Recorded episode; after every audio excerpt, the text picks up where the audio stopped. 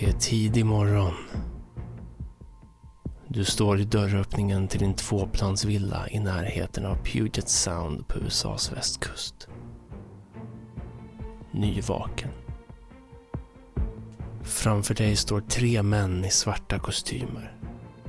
De tittar på dig med mord i blicken.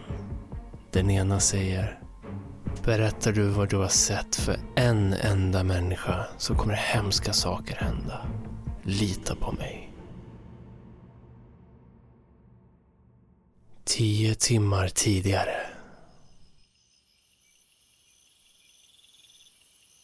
Du är ute på din numera rutinmässiga joggingtur efter en dag full av hemarbete. Det är viktigt att nå 10 000 steg och du känner hur semesterkilo efter semesterkilo sakta svettas bort i värmen. Du passerar över krönet några kilometer bort från ditt hem. Du stannar upp ett tag för att hämta andan. Och du blickar ut över fältet.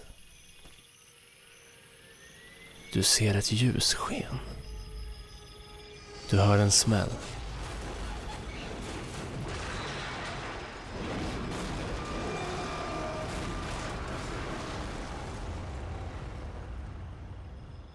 Helvete. Det ser ut som en ordentlig krasch av något slag. Men mitt ute i ingenstans.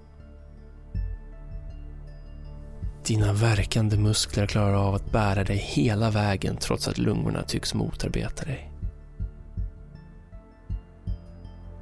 När du kommer fram till olycksplatsen ser du att det handlade aldrig om någon bilkrasch. Det var inte ens två fordon involverade. Det här är helt otroligt. Det är faktiskt bara ett fordon här och det är inte vilket fordon som helst.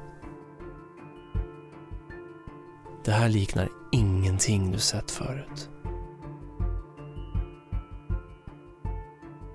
Det är ett runt men samtidigt avlångt föremål. Du står som hypnotiserad i vad som känns som en evighet. I tystnaden, mitt ute i ingenstans.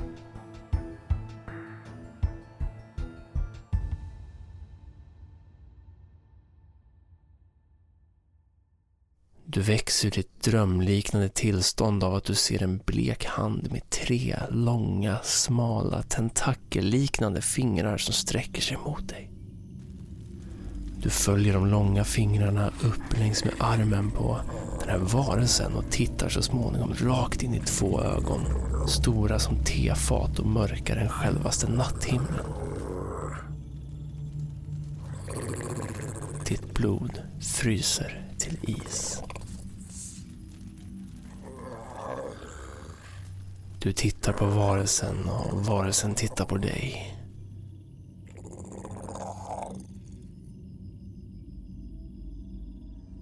Den tittar dig djupt in i ögonen och skriker allt vad den kan. Du får panik fort. Spring, titta inte bakåt. Fortsätt springa, ta dig hem.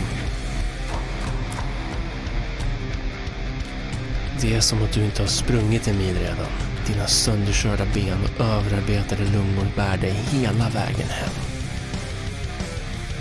Och du smäller igen dörren bakom dig.